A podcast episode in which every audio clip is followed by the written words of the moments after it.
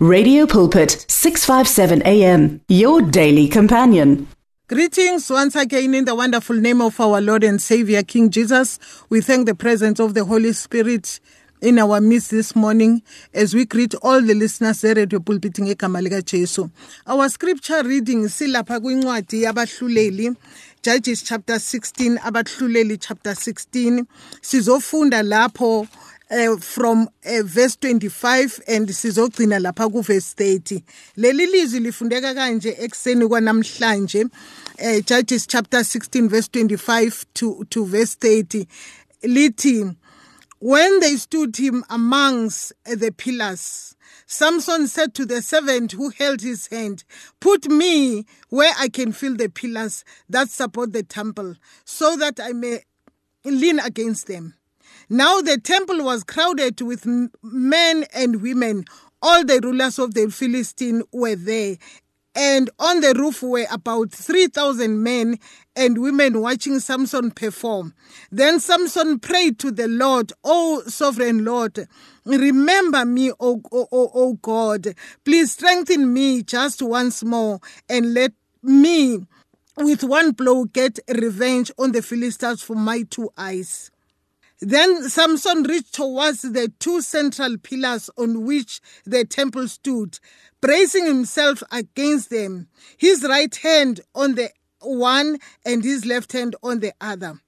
Samson said, Let me die with the Philistine. Then he pushed all his might, and down came the temple on, on the rulers and all the people thus killed many more when he died than while he was alive silibonge izwi likaNkuluNkulu ekseni manje lana it is the story about uSamson. Many of us know ukuthi uSamson wabizwa uNkulunkulu embizile uNkulunkulu wayembizele ipurpose yakhe uma etshela umama kaSamson ipurpose yakhe ukuthi azolwa namaFilistini.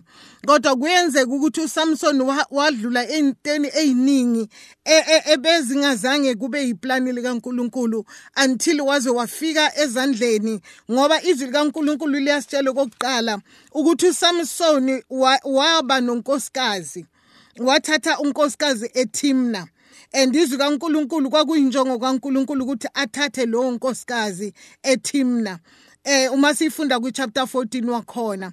But the bible tells us ukuthi ngalanga lomshado azange umshado uzuqhubeke. Kwagcina umshado ngoba umshado kwaIsrael wawuthatha 7 days. But in between those 7 days kwaba khona izinto ezonakalayo ezenza ukuthi umshado ungaqhubeki. And izwi kaNkuluNkulu yasitshela ukuthi umuntu owagcina eshade lo lo ntombazana eyizoshada uSamson yagcina ishade ngibridesmaid yakhe bridesman yakhe. And izwi kaNkuluNkulu liyasitshela ukuthi akagcinanga lapho. Wagcina uSamson eyena kwezinye indawo eGaza and lapho lithi izwi kaNkuluNkulu she saw a prostitute. And izwi kaNkuluNkulu liyasitshela ukuthi nalapho azange aseklishe until she he went to a place called Sorek eh makafika lapho he met uDelilah. uDelilah was not the wife to Samson but bekuyi umuntu ahlangene naye naye and eh, kwaba masithi enkulumeni yanamhlanje sithi it was a girlfriend. Now what happened uh, then? Siyasazi sonke istory sika Samson kodwa nayi indaba namhlanje uSamson kukhona into abayenza kuye bamkhipha amehlo. Uyabona akugcinanga ngoSamson eBhayibhelini ukhishwa amehlo siyathola ukuthi noJohane owabhala the book of Revelation wakhishwa amehlo. Kodwa ekhishweni wakhe amehlo liyasitshela izwi kaNkuluNkulu ukuthi wakhona ukubona izinto zokomoya and it was then that he was able uyena uJohn wakhishwa amehlo. He was able to write the book of Revelation engaboni ngamehlo. Manje lokhu isitha yinto ayijwayela ukuthi abakhiphe abantu amehlo. Manje namhlanje kusenzeka usathane into ayifunayo isitha into esifunayo ukuthi asikhiphe amehlo. Angikhulumi manje ngamehlo la those uh, physical eyes but sikhuluma ngamehlo kamoya. Uyakwenza isitha ukuthi awakhiphe amehlo ethu singakwazi ukubona ubuhle bevangeli. Yiko lokhu uma njengo Elijah uma ezo Elisha ecela kuye ukuthi ngicela ungiphe yo double portion. Wathi kuyu Elijah uma ungabona uma ngithathwa.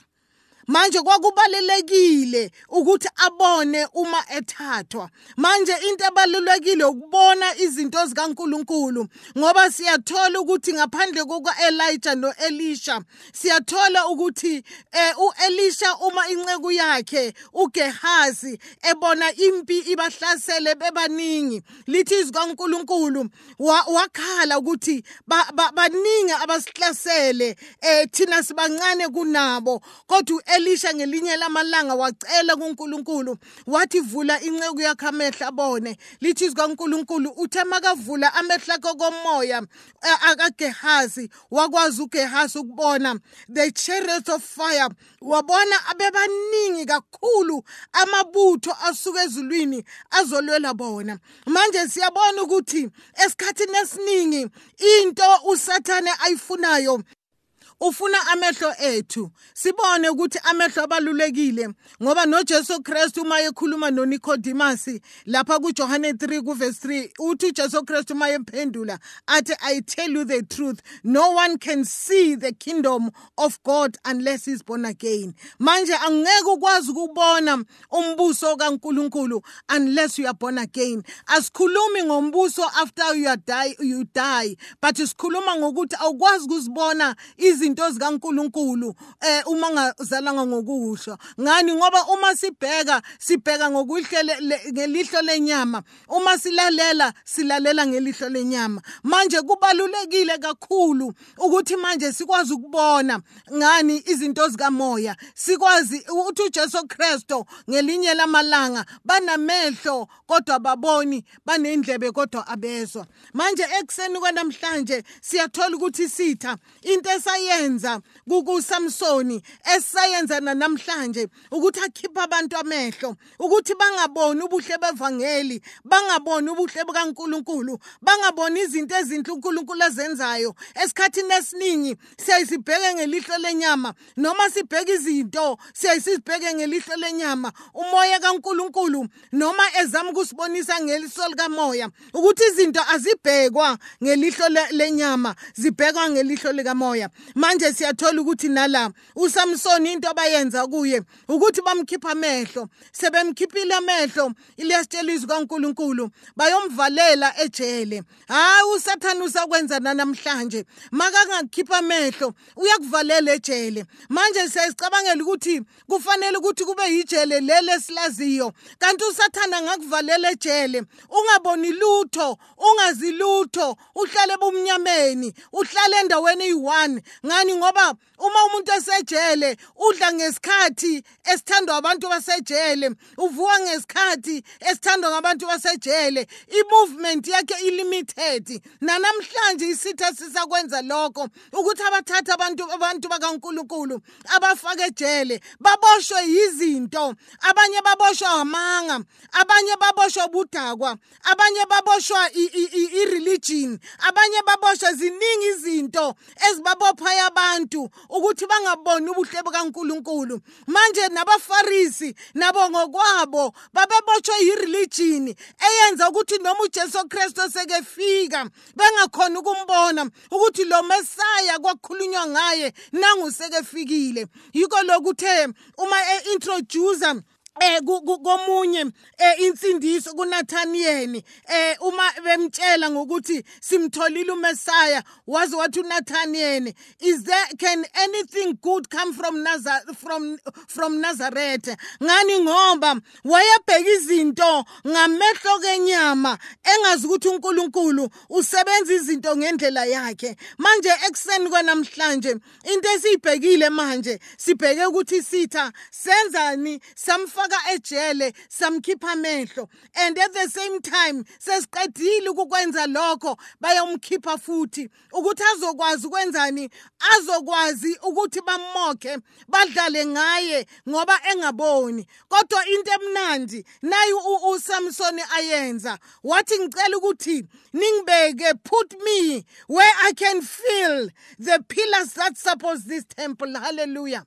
Put me the, where I can feel the pillars that support this temple. Ukuthi manje akashonga ukuthi put me where I can see the pillars that support this temple. Kodwa uthe put me where I can feel the pillars that support this temple. Manje kube khona amaphila abambe leli tempele elikwazile ukubabamba la elikwazi ukuthi laba bantu bahlale kulo elithi izikaNkuluNkulu there were thousands and thousands abahleli kulo. Kodwa yena wathi uma ngabe ngabamba those pillars manje ekuseni kwanamhlanje ngikhuluma khuluma ngama pillars of strength. Imessage yethu is about the pillars of strength. Ukuthi kukhona indawo uJesu asibizele ukuthi sibambelele kuyo. uJesu sibizele ukuthi sibambelele kuphila amaphila amabili. And one of the pillars is the pillar of prayer and one of the pillars is the pillar of word. Ngani? Ngoba uJesu Kristo uma ezohamba emhlabeni kuJohn 17 uverse 14 wakhona uJesu Kristo ilanga lakhe uma ezoya eGetsemane we read kuJohn 17 kuverse 14 wakhona ukuthi he made a prayer a request from God. What I have given them your word. Manje the very evening uJesu Kristo athi I've given them your word. Manje izinto uJesu Kristo asishiyele zona usishiyele those two pillars which is prayer and which is reading the word. Ngani? Ngoba ngaphandle kokulifunda izwi kaNkuluNkulu ngeke sikwazi ukumnqoba usathane. uJesu Kristo wanqoba ngokukhotha izwi. Manje ngeke sithi singabantwana bakaNkuluNkulu esisindisiwe kanti ilizwi asilifundi. Ngani? Ngoba izwi likaNkuluNkulu liyiwephoni yokuthi sikwazi ukuthi silwe isitha ngalo. Ngoba uJesu wathi makelwa nesitha what it is written. Manje uma singakhoni ukuthi silifunde izwi kaNkuluNkulu yikho lokhu many times abanye abantwana bakaNkuluNkulu benqotshwa ngani ngoba izwi likaNkuluNkulu abanalo. And usathane izwi kaNkuluNkulu uyalazi ngoba make kulinga usathane angeke akulinge outside the word of God. But usathane makazolinga ukhotha lona izwi likaNkuluNkulu ngoba nakuJesu Kristo wakhotha uPsalm 91 kodwa into ayenza wenza iphutha lokuthi manje ashiye ivesi elibalulekile and namanje usathanda usakwenza lokho. Uyalikhotha izwi and uma ungalifundi izwi uzolalela ngathi yizwi kanti akusilona izwi. Usathane akanayo into engeyakhe njengoba izwi kaNkuluNkulu lisho ukuthi usathane uzenza ingelosi yokukhanya uyakwazi ukuthi ashintshe izinto. Mawubhekile uyiboni kahle and mawulalele ubone ngathi right kanti uyazi ukuthi kukhona lapho yena ekwazile ukuthi akwazi ukuthi achithe khona. Manje ekseni kwanamhlanje kukhona into ebalulekile ekwamaphilasi njengoba naye uSamsoni wakwazi ukunqoba isitha elithi izikaNkuluNkulu wabulala amaFilistini ngesikhathi sakhe la engaboni more than the, the time wayebona. Wabulala amaFilistini amaningi ukudlula lesasikhathi wayekwazi ukuba namandla. Manje ukhumbula ukuthi amandla wayengasanawo and ngani? Ngoba amandla akhe ayisezinweleni zakhe. Kodwa wacela uNkulunkulu lithi izwi kaNkulunkulu atha um, iy'nwele zakhe zithe ukumila kancane kulamandla akhe aqala ukubuya. Manje ekuseni kwanamhlanje sikhuluma ngezinto ezizosenza ukuthi sikwazi ukunqoba isitha. Ayikho enye indlela esinganqoba isitha ngayo indlela esinganqoba isitha ngayo ukuba sime ey'ntweni ezimbili ujesu kristu asinikeza zona. Wasifundisa ukukhuleka. Uyabona aba- aba- aba- abafundi bakajesu bambona ujesu eperforma onke ama-miracle. Bambona ujesu evusa iy'shosha evusa abafileyo. Kodwa they never ask ujesu kristu ukuthi jesus uh, teach us to do the miracles. Kodwa bathe jesu uh, teach us to pray. Bathi kujesu teach us to pray. Azange bathi teach us to do miracle. Njengoba namhlanje abanye abantu esikhathini esiningi bayasuka emabandleni bagijimele ama-miracles and izwi likankulunkulu liyasitshela ukuthi those things will follow us. We don't follow them. They will follow us. Ama-miracles kankulunkulu. Manje uma senza izwi nje kuphela manje izwi kankulunkulu ekuseni lisinikeze ukuthi kudingeka ukuthi sikhuleke. Ujesu wafundisa the lord's prayer only makafundisa eh, eh, the disciples. Manje siyathola ukuthi he never ended up there. Uma silifunda izwi kaNkuluNkulu ukuthi wateacher nabanye umkhuleko. Ngani? Ngoba uma sifunda uMatthew chapter 5 ku verse 44 eh uJesu makehleli efundisa abanye wabafundisa izinto eziningi ebafundisa umkhuleko and at the same time lapho ku Matthew 5 ku verse 44 u- uJesu uJesu Christ uthi we must love our uh, uh, uthi love your enemies and pray for those who persecute you. Manje lana uJesu ukhuluma futhi nangomkhuleko ukuthi you don't only pray for ama needs akho ngoba esikhathini esiningi when we are praying we focus too much on ourselves. We forget ukuthi eh to pray for other people.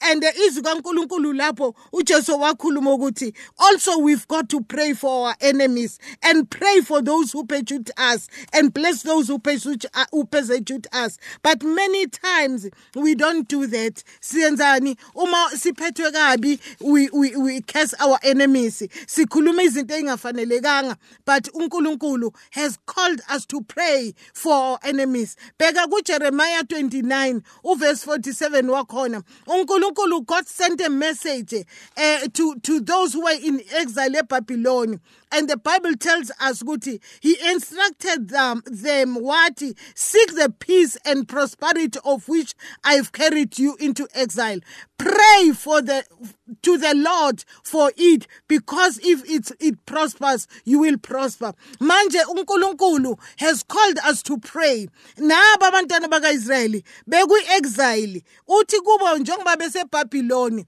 they've got to pray. Uze uthi ujesu kristu unkulunkulu kubo seek the peace and prosperity of which i have carried you into exile pray to the lord for it because if it prospers you will prosper. Siyabona futhi nalapha kuGenesis chapter 47 kuverse 7 na kuverse 10 wakhona sithola ukuthi uJacob uyablessa aba ini ublessa uFaro. And the bible tells us ukuthi lapha kuverse 7 na kuverse 10 wakhona kuGenesis 47 uJacob wablessa uFaro. And after 400 years elapho belapho abantwana bakaIsrael sekunomnye uFaro sekunesinye isizukulwane sani sabantwana bakaIsrael abakudala abahamba bahamba kodwa sekuyisizukulwane esinye. Siyafunda even in Exodus chapter 12 kuverse 32 wakhona ukuthi uFaro lo abantwana bakaIsrael kwakudingeka ukuthi baphume ngesikhathi sabo. Wabacela nabo ukuthi please bless me. Siyambonga uNkulunkulu. Manje siyabona ukuthi khona izinto esizibizele ukuthi sizenze ezizokwazi ukuthi isitha abone amandla kaNkulunkulu. Ngoba bekengeke uFaro asho kubantwana bakaIsrayeli ebeni bekuwama slave athi maniphuma ngiblesseni nami. Ebeyazi ukuthi uNkulunkulu wabo uyaphila. Manje siyathola ukuthi even now Luke chapter 9 ku verse 51 ukuthi manje uNkulunkulu usibizele ukuthi siba bless abantu njengoba izwi kaNkulunkulu eshila uJesu Kristo athi pray for those who persecute you. Sithola lapha ku Luke 9 ku verse 51 wakhona ukuthi uJames noJohn noJesu Kristo babeyoshumayela eSamaria elithi izwi kaNkulunkulu amaSamaria zange afune ukulalela ivangeli. Manje uJames noJohn bathi kuJesu Kristo liyehlisa umlilo ushisa labantu. Ngani? Ngoba ivangeli abafuna ukulizwa. But the bible tells us ukuthi uJesu wathi kubo anina lo moya thina sinamoya okuqalekisa sinomoya okubusisa asinamoya okuqalekisa sinomoya okubusisa noma isimo si, si opposite nathi thina asibi opposite. Ngani? Ngoba if we become opposite it means we are fighting eh, izimo ngeweapon yesitha. Ngoba isitha yiso esiplanta ini i-bitterness isitha isesiplanta ini i-revenge isitha yiso senza zonke lezo zinto but uNkulunkulu usibizele ukuthi uma sizokwazi ukuma uma sizokwazi ukunqoba it's for us to pray even those who persecute us. Now kuLuke 18 kuverse 9 to 14 uJesu Kristu wenza iparable esiyayisifunde yalabantu abayi2 ababekhuleka a collector a tax collector nomfarisi siyayikhumbula umkhuleko wabo ukuthi wabakhuleka kanjani. Umfarisi yena wazibona engcono kunaba kunabanye but a, a, a, a tax collector wabona isono sakhe waphenduka phansi kuNkulunkulu and izwi kaNkulunkulu liyasitshela ukuthi uyena umkhulo kwakhe owazwakala phambi koNkulunkulu manje ekseni kwanamhlanje zikhona izinto esinganqoba ngazo sinqoba ngomkhuleko and sinqoba ngani ngezwi likaNkulunkulu? uNkulunkulu uphendula umkhuleko onezethembiso zakhe. Hayi izinto thina esifuna ukuthi inkosi yenza kanje but thina kudingeka ukuthi sifunde izwi kaNkuluNkulu sithole ukuthi uNkulunkulu uthini ngesimo esihlangabezana naso then we remind God